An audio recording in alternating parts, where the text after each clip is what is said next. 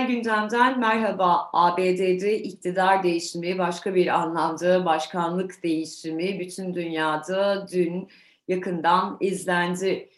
ABD başkanlık koltuğuna Demokrat Parti'den 3 Kasım'da yapılan seçimler uyarınca 20 Ocak'ta Joe Biden geçti. Tören bütün dünyada yakından izlendi. Özellikle Kamala Harris hem kadın liderler hem de bütün dünyadaki kadınlar açısından önemli bir simgeydi. ABD tarihinde ilk defa bir kadın başkan yardımcısı sahneye çıktı. Politikalarda etkin olacak. Aynı zamanda Asyalı ve başka bir kökenden gelmesi nedeniyle de ABD'de özellikle Trump döneminde tırmanan e, millet toplumlar arası aslında ırklar arası eşitsizliğe dönük de bir mesaj olarak görüldü söz konusu durum. Trump törende yer almadı. Bunun yerine Reagan döneminde başlatılan mektup geleneğini sürdürdü ve Oval Ofis'e Biden'a hitaben bir mektup bıraktı. Mektubun içeriği henüz paylaşılmış değil ancak genel olarak daha önceki başkanların mektuplarından bildiğimiz üzere genelde iyi niyete dönük, başarıya dönük tavsiyeler ve iyi, iyi niyet e, beyanında bulunuluyor.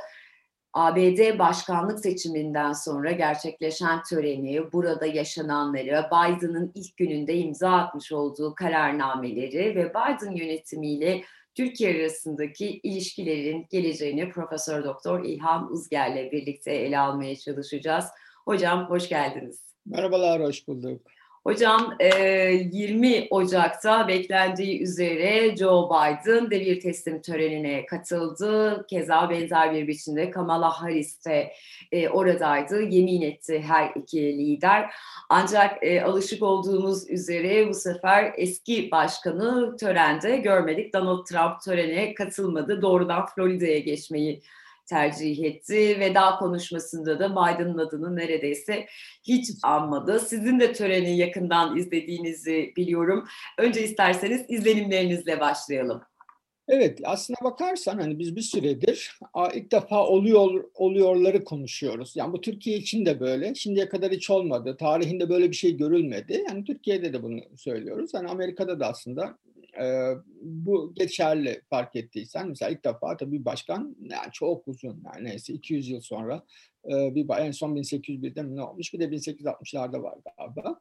Çok ender e, görülen bir şey. İlk defa e, işte 25 bin ulusal e, muhafız geldi ve Amerikan halkı yoktu yani normalde izlemeye geliyorlardı. İşte evet. 200 bin bayrak e, şey asıldı falan e, onların yerine. E, dolayısıyla da bir dönem yani en azından şunu söyleyeyim bir dönem kapandı ve e, canlı yayında Trump'ın girişini izlemek büyük bir keyifti. E, darısı hepimizin başına diyoruz. Trump'ın girişini yani seçimle yenilip böyle ağlanarak, sızlayarak gidişini izlemek umarım bizim de başımıza hani gelir bir gün. Başımıza bir şey gelmeden bunları Değil mi? O güne erişebiliriz. E, diyelim. Demokratik yollardan tabii bunu vurgulayalım. E, sigortamız olsun. E, şimdi önemli bir olay. E, şimdi fark ettiysen o daha başında seçim e, kampanya sırasında hani Biden klasik, geleneksel e, Demokrat Parti çizgisini sürdüreceğini söyledi. Şey de öyle yapıldı, tören de öyle yapıldı. Yani bir normalin başlaması e, şey gibi e, tuhaf algılandı. Yani normalde böyle olur. Tamam biz hani Amerikan demokrasisinin aşığı değiliz. Hani Amerika'nın aşığı da değiliz. Yani dünyanın bir sürü başına bela da açtı Amerika. Bunları biliyoruz. Ama hani bir yerlerde siyasetin normalleşmesini e, görmeye belki de bir hani şey empati yaptık. Hani ah bizde de olur mu e, diye bir his e, uyandırmış olabilir. E, hızla e, fark ettiysen yani ilk günden e, 17 tane kritik ve neredeyse Trump dönemini geriye çeviren, e, uygulamalarını geriye çeviren adımlar attığını e, tanık oluyoruz. E, yani mesela işte Dünya Sağlık Örgütü'ne geri dönüş, Paris İklim Anlaşması'na geri dönüş, e, Meksika sınırına duvarı fonlamıyor artık. Evet, Müslüman ya ülkelere dönük olan kısıtlamayı evet, kaldırma keza. Kaldırıyor. Senin bazı bazı noktalarına sen de değindin. Dolayısıyla bildiğimiz Amerikan tarihinden sonra işte son 40 yıldır tanık olduğumuz iç ve dış politika çizgisine yavaş yavaş geri döneceğe benziyor. Bu arada tabii Trump'ın gidişine dair çok espri yapıldı. Amerika'da siyasi mizah bizdeki gibi değil. Umarım bizde de geri döner. Uzun süredir unuttuk falan. Bir yorumcu şey dedi yani mizahi olarak. Yani bu koronavirüsüne nasıl iki doz gerekiyorsa hani Trump'a da iki doz az, azil gerekti. bir kere azletmek yetmedi. Hani evet iki kere e, azletmek e, gerekti korona gibi falan dedi. Hani buna dair böyle komik şeyler de. E, Ama şey gibiydi hocam pek umudunu da kaybetmemiş gibiydi. Ne olursa olsun geri döneceğiz falan dedi. Yani hani şey korku filmlerindeki hani yılmayan kötü kahraman gibi sürekli dirilip dirilip gelecekmiş gibi. Doğru. Hollywood filminde hani ölmez ya bir türlü. kötü karakter. Dolayısıyla da olabilir. Yani nasıl Biden 78 yaşında seçimlere girdiyse yani başkan yardımcılığından sonra Trump da deneyebilir ama benim tahminim Trump tabii çok yüksek profilli bir lider oldu.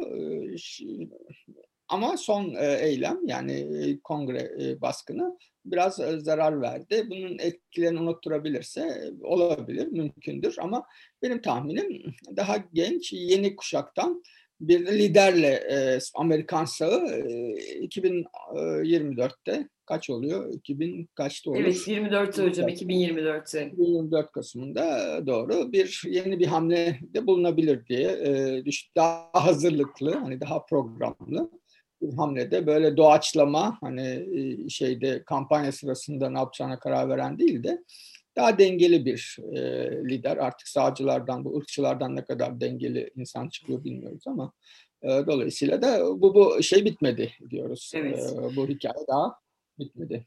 Evet hocam e, siz de değindiniz aslında e, Biden'ın imzalamış olduğu e, 17 kararnamenin bir kısmı uluslararası kamuoyuna dönük mesajlar içerirken e, bir kısmında iç kamuoyuna e, dönük mesajlar ve e, etkileri olan politikalara yönelikti. İsterseniz önce bu dış kamuoyuna dönük olandan sonra da iç kamuoyuna değinelim. Bu 17 kararname içerisinde dikkat çekenlerden siz de altını çizdiniz. Trump döneminde geri e, Dünya Sağlık Örgütü'ne dönüş, özellikle koronavirüs sürecinde bu çok e, sert tartışmalara neden olmuştu. Hem örgütün kendisi hem ABD'nin politikası. Benzer bir biçimde e, Paris İklim Anlaşması'na dönük. Bu iki hamleyi dikkate aldığımızda Biden'ın bir miktar daha küresel kamuoyuna ABD'nin işbirliğine açık olduğunu, bu konuda yeniden uluslararası örgütleri ve partnerlerine dikkate alacağına dönük de bir mesaj verdiğini çıkarabilir miyiz yoksa çok mu zorlama olur? Yok yok tam öyle. Tam ilk söylediğiniz gibi. E, genelde bu Demokrat Parti çizgisidir biliyorsun. İşte çok taraflıcılık diyoruz. Hani multilateralizm, e, uluslararası örgütlerle daha fazla işbirliği yapma, uluslararası sorunlarda, bölgesel sorunlarda müttefiklerini daha fazla kollama, onlarla daha fazla işbirliğine gitme. Ee, yani çok bunu tabii zorlayarak biraz zorlama olur ama hani uluslararası hukuka biraz daha dikkat etme gibi. Ve bunun içinde şey de var yani şunu unutmayalım. Türkiye'deki algılama tersi olabilir. Ee, Amerika'daki bu liberal sayılan demokrat çizgisi e, Amerika'yı küresel sorunlarda daha aktif olmaya e, götürür ve e, daha müdahalecidir Amerika. Yani askeri güç kullanımı bazen e, Demokrat Parti iktidarlarında daha yoğundur. Bakmayın hani şey Bush Irak işgal, Afganistan ve Irak işgalleri kafa karıştırdı bir miktar ama e, bu tür insani müdahale altında yapılan müdahalelerde demokratlar daha öncedir. Hatta dikkat edersen Trump e, en çok vurguladığı yani Amerikan dış politikasına dair iç kamuoyuna e, mesaj verirken e, en çok vurguladığı noktalardan biri ben dünyanın sorunlarına bulaşmayacağım. Oysa Demokrat Parti çizgisi dünyanın sorunlarına daha çok angaje olalım çizgisidir. E, bu, bu ayrımı da unutmayalım. Hatta Trump ayrılırken şey dedi ben Amerika'yı hani savaştırmayan tek başkanım. Evet. E, o vurgu benim de dikkatimi çekmişti. Altını çizdi. Aslında normali budur. Yani şey çizgisi, e, Cumhuriyetçi Parti çizgisi. Biraz da Amerika'nın şöyle söyleyeyim, e, daha böyle kategorik ifade edeyim. E, demokratlar döneminde küresel e, rolü arttırır, gücünü biraz harcar. E, Cumhuriyetçi Parti döneminde içe kapanır ve gücünü toparlamaya çalışır. Aslında böyle bir denge vardır. Genelde de dengedir zaten. Yani biri daha çok güvenliktir aslına bakarsanız Demokrat Parti şey Cumhuriyetçi Parti dönemi ee, şey Demokrat Parti dönemi de daha çok ekonomi, insan haklarıdır. Genelde bu bu çizgi arasında gider gelir Amerikan sistemi. Trump bunu arttırdı tabii. Yani her şeyin dozunu Cumhuriyetçi Parti'deki siyasi çizgisindeki her şeyin dozunu arttırdığı gibi mesela Amerika'yı fazla içeri kapatmaya çalıştı. İşte bu, bu dış ticaretten şeyden mesela Suriye'den, Afganistan'dan asker çekme, yani dünyada askerleri geri çekme, şirketleri anlaşmalardan geri çekme, çekilme, anlaşmalardan çekilme, daha içe kapalı bir Amerikan e, sistemi ve Amerika'nın kendini aslında toparlayacağı, nefes alacağı bir dört yıl yaratmaya çalıştı. Amerikan sistemi bunu bilir. Şeyde e, Biden'la beraber bu küresel rolün e, yani, hegemonik fonksiyonlar aslında bunlar. Böyle çok hani e, burada nötr ve olumlayıcı terimlerle konuşuyormuş gibi algılamasınlar. Analiz yapıyoruz çünkü. Ee, yani sonuçta kapitalist bir sistemde yaşıyoruz. Küresel sistem böyle işliyor.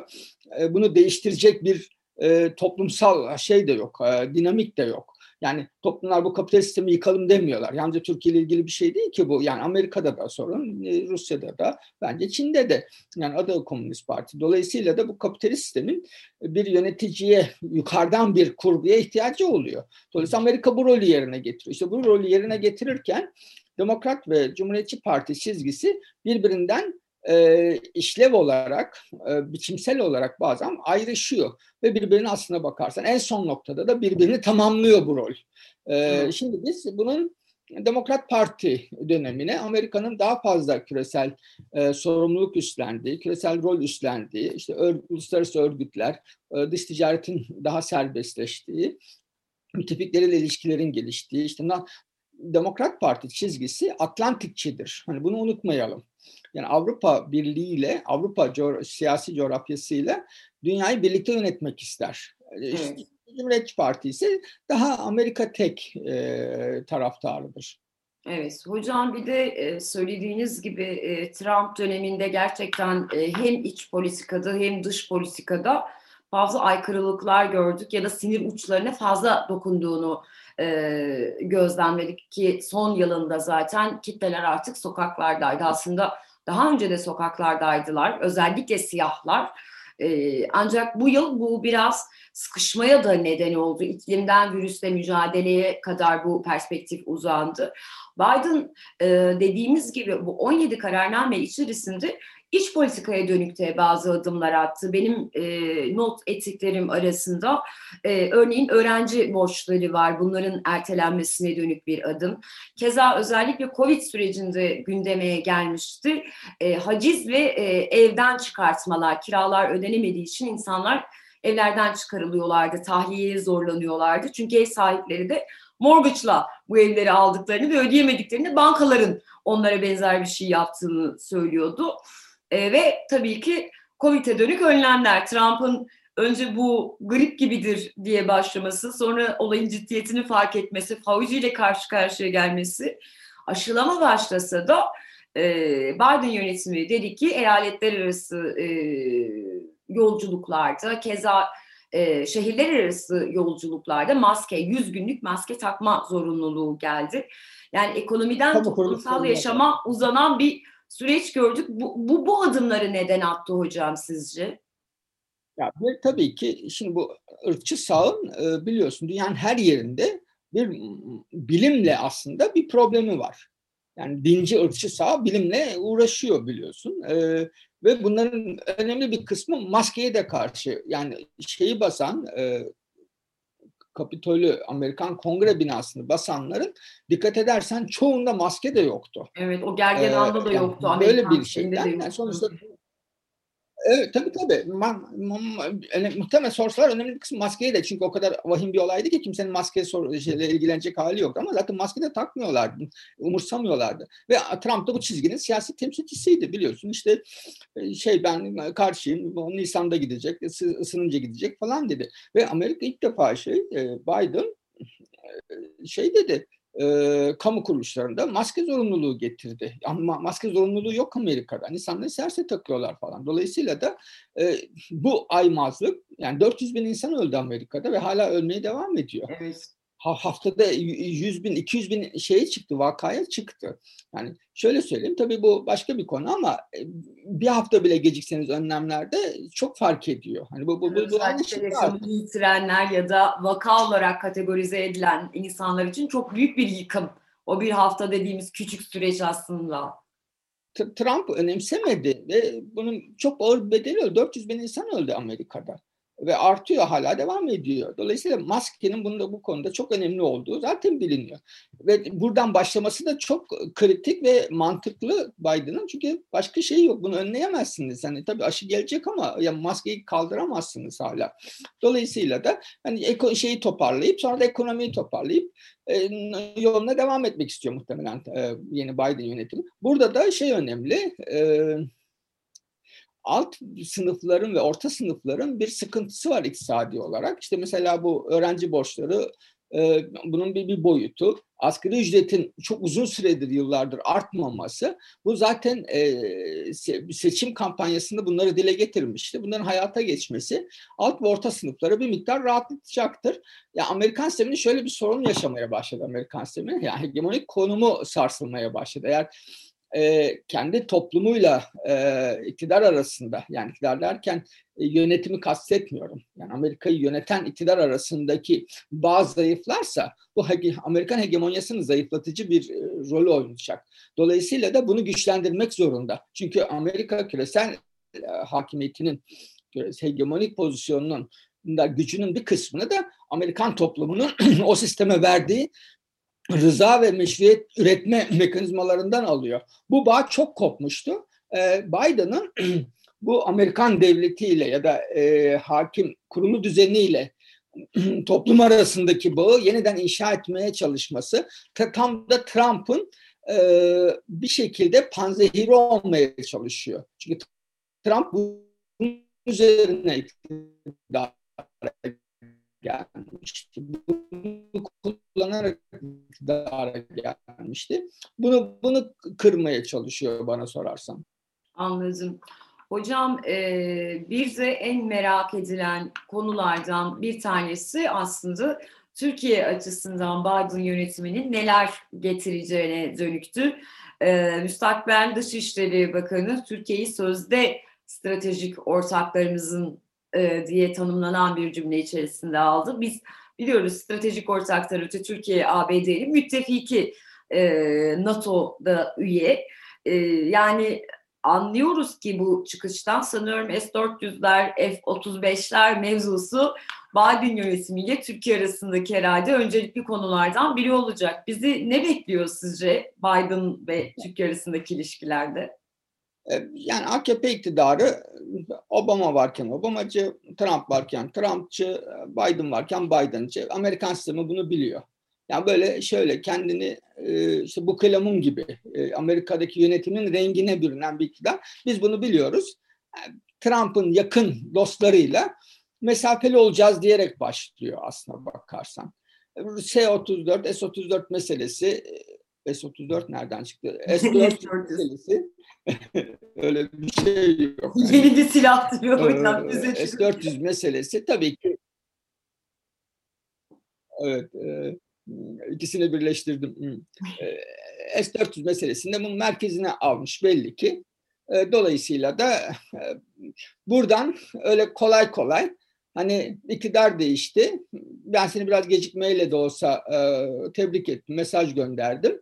Hadi şey geçmiş geçmişte kalsın. Tamam Trump'larımız iyiydi.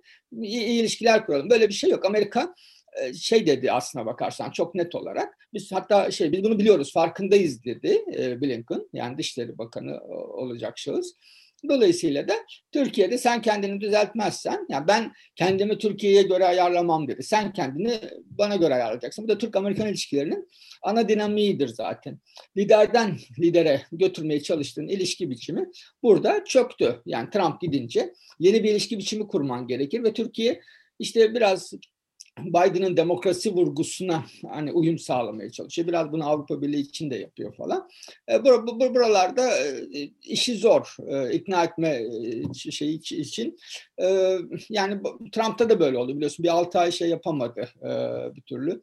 İletişim kuramadı. Bunun farkındalar. İşte Halkbank orada duruyor, dava da orada duruyor falan. Dolayısıyla da Amerika'nın elinde araç hala çok fazla. Şey yaptırım listesi orada.